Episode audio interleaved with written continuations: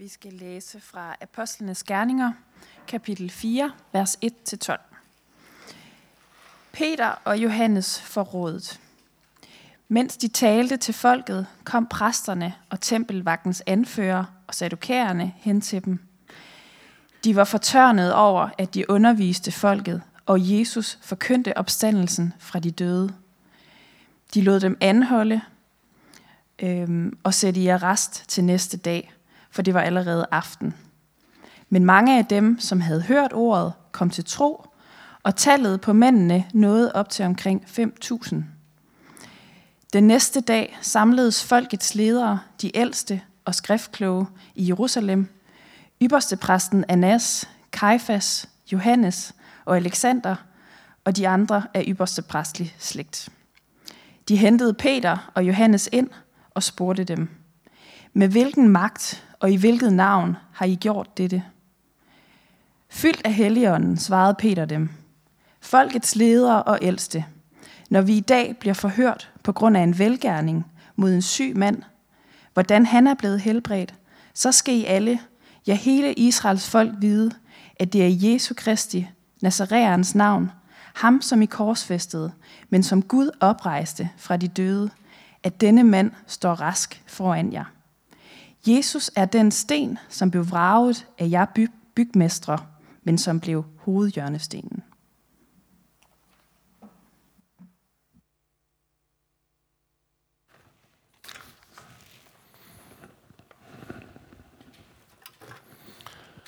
Ja, nogle gange så starter jeg jo mine prædikner med en historie. Jeg tænker, det vil være sådan lidt last year, så det nye det er simpelthen at starte øh, prædiknerne med en paragraf. I får lige lidt jura på banen nu. I Danmark har vi en lov, øh, og det er man selvfølgelig flere af, men vi har også en, der hedder Bekendtgørelse om politiets sikring af den offentlige orden og beskyttelse af enkeltpersoner og den offentlige sikkerhed med videre, samt politiets adgang til iværksætte midlertidige foranstaltninger.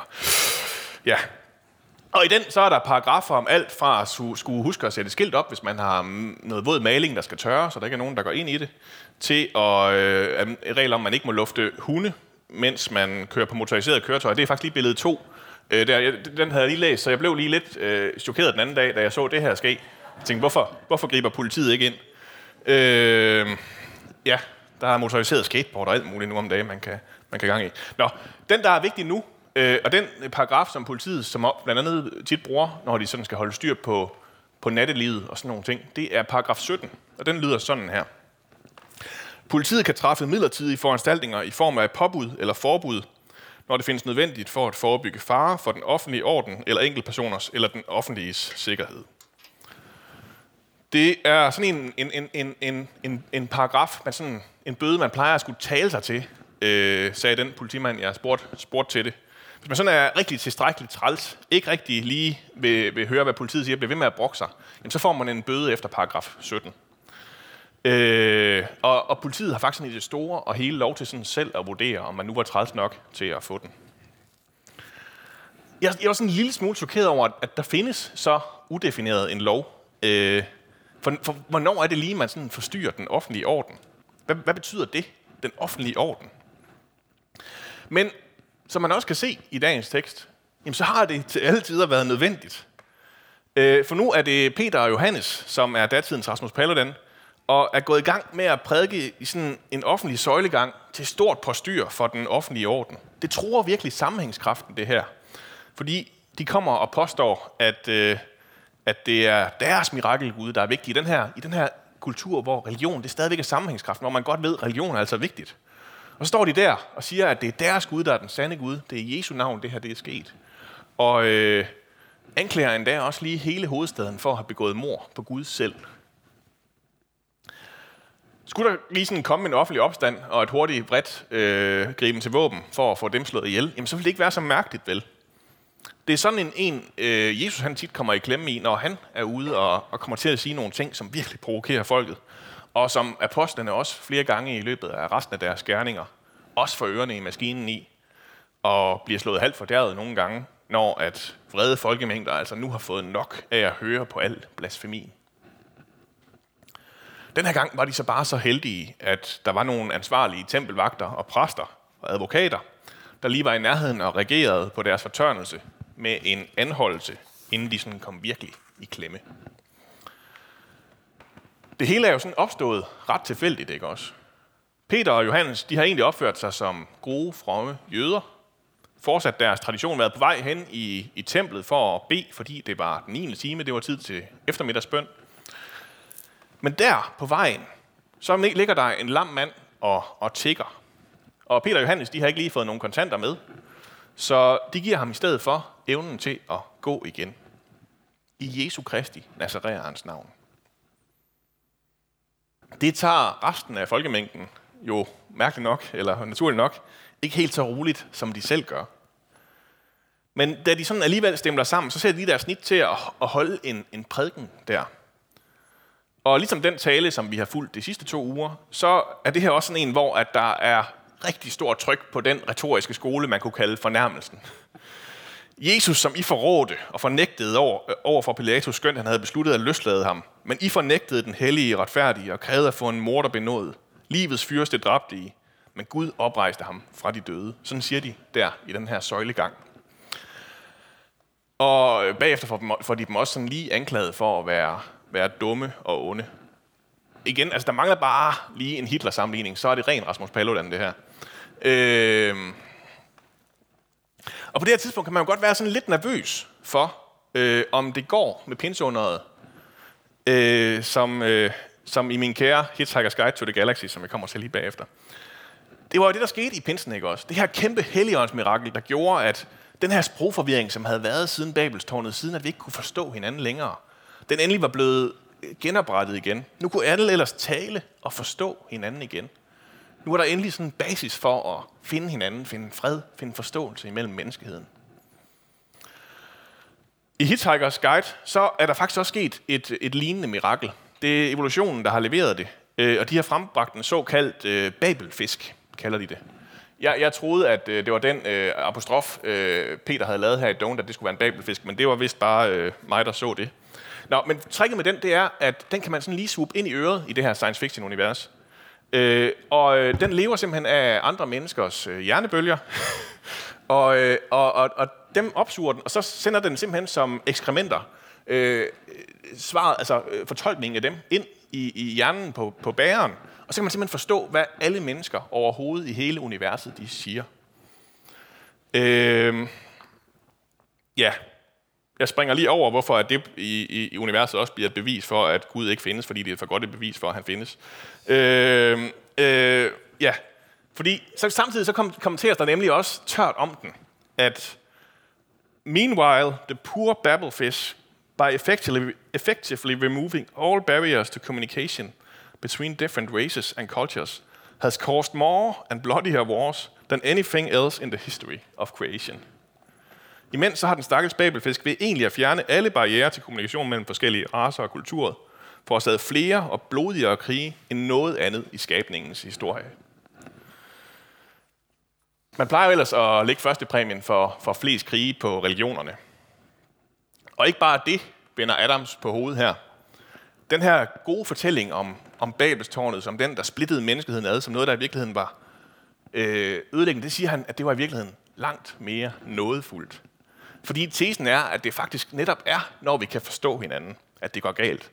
At jo mere fremmede kulturer de forstod, hvad det egentlig var, de mente om de andre, jo tættere så kom de på krig. Jeg tænker, at, øh, at Douglas Adams han på nogen måde har, har forudsagt vores virkelighed i dag. I en verden, hvor at informationerne er meget mere tilgængelige, end de nogensinde har været før. Lige nu så, så scrambler de fleste samfundsteoretikere for sådan lige at prøve at forklare, hvad det er, der sker ude i verden igen.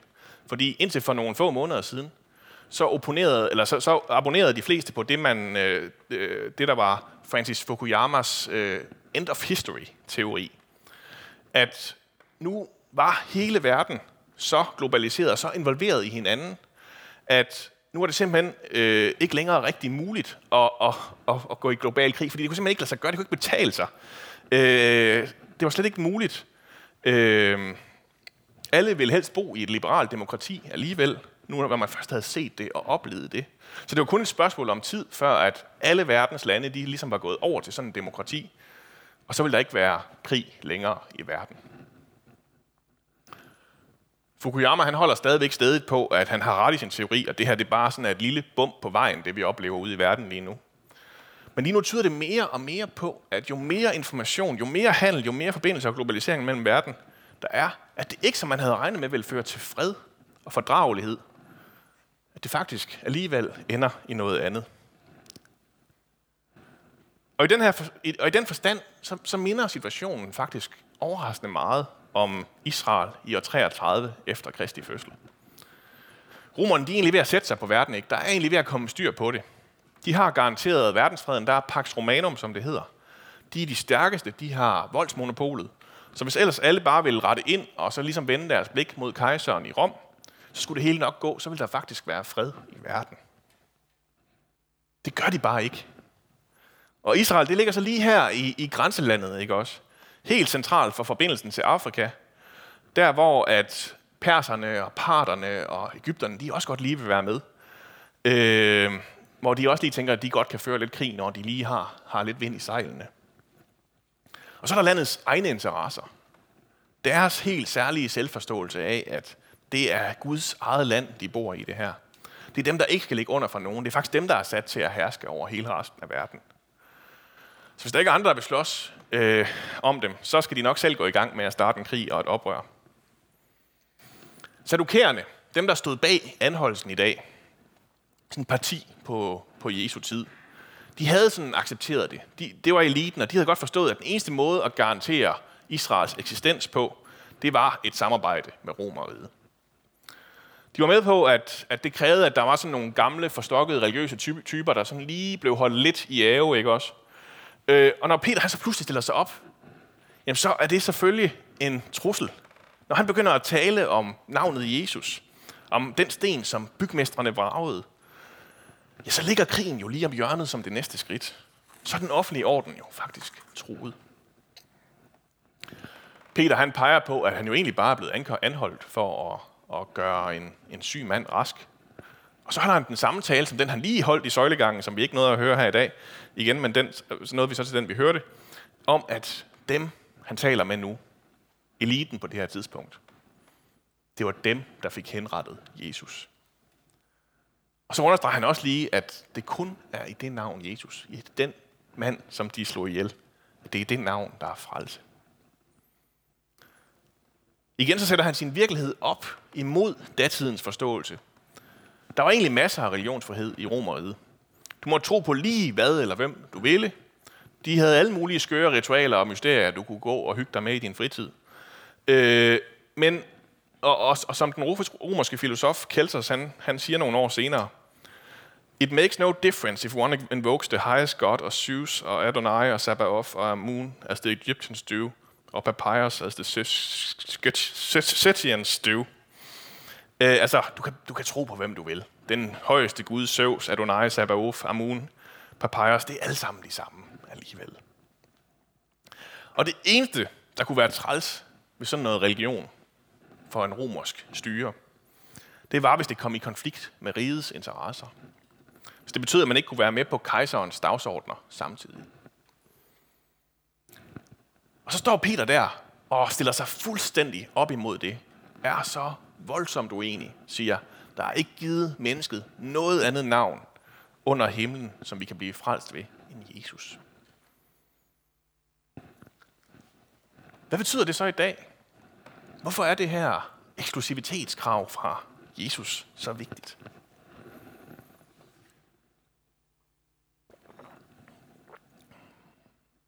Måske fordi der ikke er noget andet, der kan samle os. At selvom vi kan tro, at, at vi kan sikre verdensfreden med tilstrækkeligt mange gasledninger eller veluddannede legionære og politifolk, hvis bare vi har peace, love and understanding, og bare snakker det alle samme sprog alle sammen og forstår hinanden godt nok, så lykkes det. Det er ligesom om, det bare ikke helt virker. Det er jo ellers den vej, det går nu om dagen.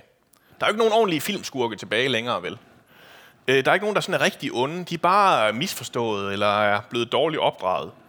Og når heltene så bare de finder ud af lige at sætte sig ned i en rundkreds sammen med dem og snakke om deres følelser, jamen så er det ligesom om, at så kan skurkene godt finde ud af, at de ikke vil slås alligevel. Og så har alle sårene og konflikterne løst. Det er måske stadigvæk et fremskridt fra sådan de der gamle øh, filmskurke, Dem, der var så gennem onde og brutale, at det først var, når der kom en ordentlig filmhelt med endnu større muskler, at den, stak, at den her skurk kunne blive banket på plads. Hvor vi ikke troede på, at det bare var peace, love and understanding, men godt vidste, at det eneste, der måtte stoppe en med en stor kæp, det var, at der kom en med en endnu større kæp. Og nu står Peter altså der og taler om noget helt andet, om et navn, der er frelse i. Det eneste, der er frelse i. Som en, en, en, en sten, som man egentlig har kastet væk og kasseret, men som Peter påstår er det eneste, man kan bygge på. Hvad det navn kan? Hvad der sker, når Peter han stiller sig frem med det navn over sig? Han går hverken til, til modangreb og begynder at slå igen. Det har han prøvet før. Det har Jesus stoppet ham i. Han lægger sig heller ikke fladt ned. Øh, det har han også prøvet. Det går han måske stadig og skammer sig over, da han fornægtede Jesus. I stedet, så står der det her med, at han bliver fyldt af Helligånden. Og taler med sådan en, en, en helt uhørt frimodighed. En frimodighed, som virkelig bare burde få ham buret endnu længere inde øh, i kasjotten, ikke også igen. En frimodighed, som forstyrrer den offentlige orden endnu mere, og de her øh, eksklusive udsagn om, at det kun er Jesus, der kan frelse verden. Og mærkeligt nok, så, så virker det. Domsmændene, de kan godt se, at det her det ikke er sådan en eller anden ond masterplan, men det er helt almindelige mennesker, som, som taler med en meget større myndighed, end det egentlig giver mening, at de gør. Jeg tænker, at det bedste bud, det bedste man kan gøre ved de her øh, sådan, øh, almindelige øh, civile borgere, det er lige at prøve at tro dem lidt. Se, om, øh, om de så ikke kan stoppe med at tale om det. Og det heller ikke virker, så tror de dem lidt mere, og så ender de med alligevel at lade dem gå igen til sidst. Historien om Jesus, om den Gud, som ikke slog igen, men som lod sig korsfeste, som døde, men vandt over døden og opstod igen. Den viser bare en helt anden vej, end de havde fantasi til at forestille sig. En, en toppolitiker har fantasi til at forestille sig. En filmskaber har fantasi til at forestille sig. Hvor det ikke er den stærke, der vinder. Men hvor det er den, der har givet sit liv for os andre, der gør, at vi alle sammen vinder. Som leder til, at man giver op på selv at tro, at det er mig, der skal sejre, og følger efter ham, som har sejret en gang for alle. I den gode gamle Hitchhikers, som jeg håber, I ikke er træt af endnu, øh, der kører spørgsmålet også. Øh, historien går på, at man har bygget en kæmpe stor computer, der skulle svare på, hvad meningen var med The Answer to the Life, Universe and Everything. Og efter at verdens største computer, Deep Thought, som de kaldte den, har tænkt i, i 7,5 millioner år, der kommer svaret endelig til, til tip, tip, tip, tip, tip børnene, til dem, der sådan havde stillet computeren spørgsmålet. Og de er mødt frem, og det er meget, meget glædeligt, og nu skal de endelig få svaret på, hvad svaret er på livet, universet og alting. Og da computeren så har tænkt, så svarer den 42. De er ikke helt tilfredse. Og til sidst, så efter sådan lidt dialog frem og tilbage mellem computerne og forskerne, så, så foreslår computeren, at de måske faktisk ikke helt har stillet de rigtige spørgsmål alligevel. Øh, så de må i gang. Øh, det kan den godt regne ud, tror jeg den, men det, det kan nok lige kræve en ny computer, der skal bygges og regne det ud. Og den nye computer, det er så det, der er hele vores jord i universet her. Øh, som simpelthen skal være sådan en stor, naturlig, biologisk computer, der kan regne ud, hvad spørgsmålet så er. Øh, den bliver så smadret af de onde vorgoner, der skal have bygget den her intergalaktiske motorvej, sådan nogle få uger inden de endelig var klar. Den, den computer endelig havde regnet færdig, hvad spørgsmålet så var. Men efter sådan at have fulgt bøgerne igennem, så finder de til sidst ud af, at svaret det ligger faktisk stadig inde i, i historiens uheldige held, hovedpersonen Arthur Dent. Øh, så de finder ud af, at hvis nu giver ham en pose Scrabble-brækker, så kan han sådan trække brækkerne op, og så vil de på den måde kunne finde ud af, hvad spørgsmålet er. Og han får posen, og han får H, V, A, D, E, R, S, E, K, S, G, A, N, G, E, 9, N, I. Hvad er 6 gange 9? Så langt kan de komme. Svaret på livet, universet og alting, det er et forkert udregnet regnestykke. For 6 gange 9, det giver altså ikke 42, hvis der er nogen, der ikke har noget at regne det ud endnu. Der har muligvis været grus i computeren eller noget. Det er også en teori. Og det er også en teori, at hvis, hvis der først var nogen, der fandt ud af, hvorfor universet eksisterede, så ville det forsvinde, og så ville det blive erstattet af noget, der gav endnu mindre mening. Øh, nogle mener, at det allerede er sket også. Så langt hitchhikers. Imens så har dybe tanker og åndelige åbenbaringer fået Peter til at konkludere, at løsningen, svaret på livet, universet og alting, må være noget andet. At det eneste svar på livet, universet og alting, det er Jesus. Altså, det er jo, det er jo, det er jo helt vildt. Altså, det, det forstyrrer den offentlige orden, og det forstyrrer også min personlige fornuft. Som der engang var en, der, der sådan tørt havde kommenteret efter, de havde sådan en stort oplagt kampagne i, i England, hvor det, budskabet var, Jesus is the answer. Det stod ude på plakater og busser og ting og sager. Så var der en, der ligesom tørt med graffiti havde kommenteret. But what's the question? Hvad, hvad, hvad er spørgsmålet? Altså, det, der kan vi nogle gange have lidt øh, for travlt. Jeg ved ikke, om det var en Douglas Adams-fan, der gjorde det. Og det er jo lige præcis det her, man ikke må tage for nemt på, hvis man er enig med Peter. For siden da, så har resten af kristenheden arbejdet med at finde ud af, hvordan de to ting så mødes. For resten af apostlenes gerninger, hvor de prøver at følge med og finde ud af, hvad alverden det betyder. Og øh, til i dag, hvor vi bliver ved med at blive nødt til at stille os selv det spørgsmål.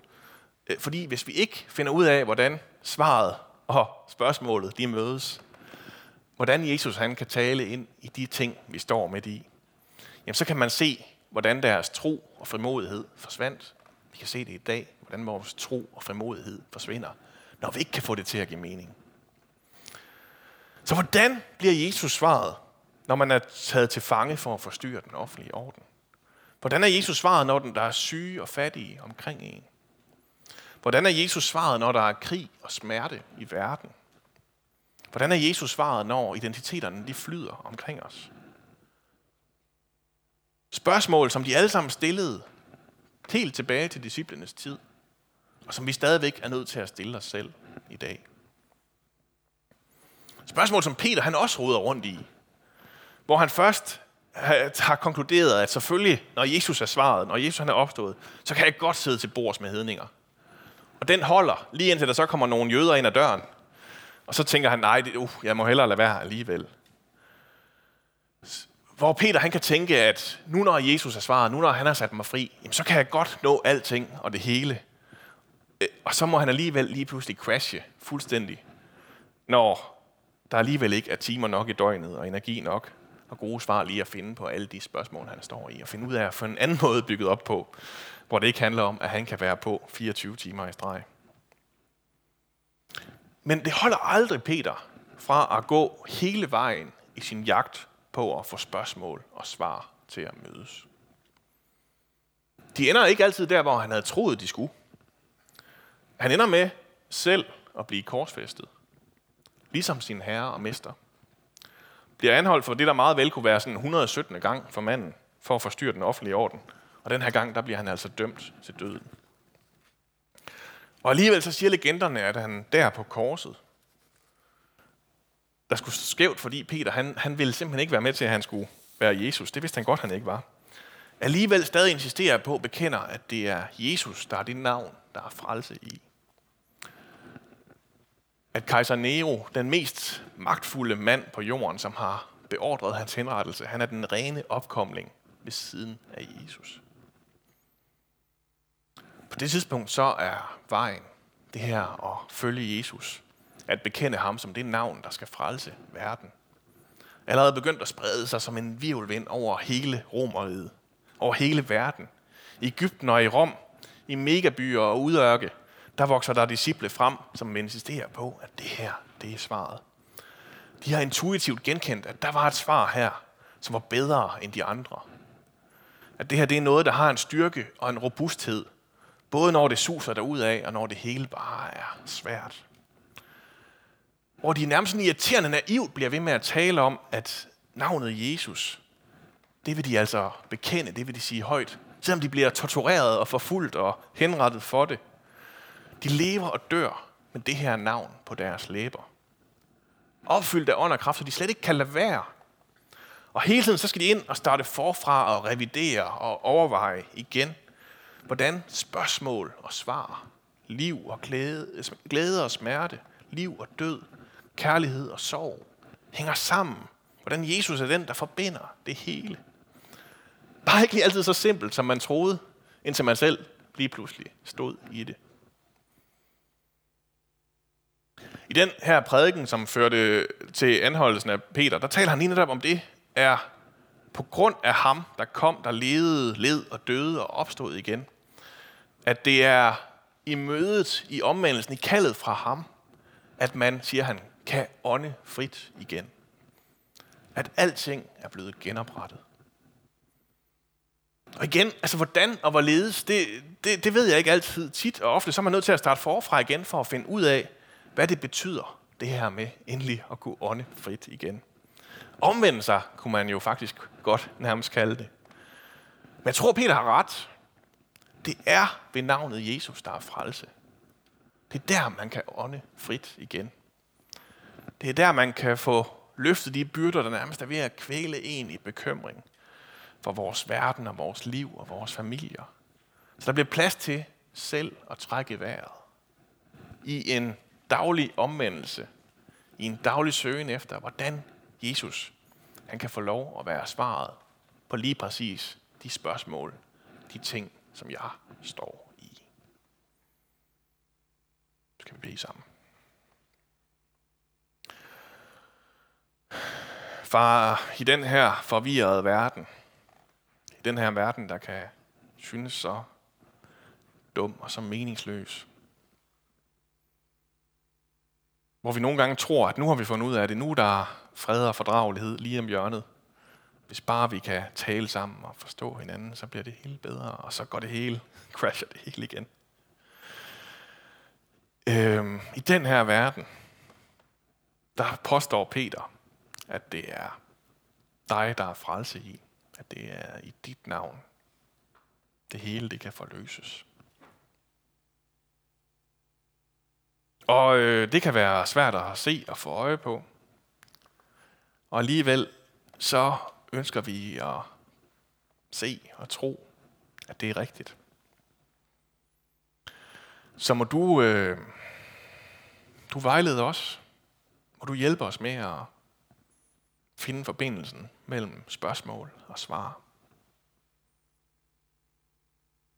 Og du øh, viser os, hvordan det er i Gud selv, dit åbenbarede billede, Jesus.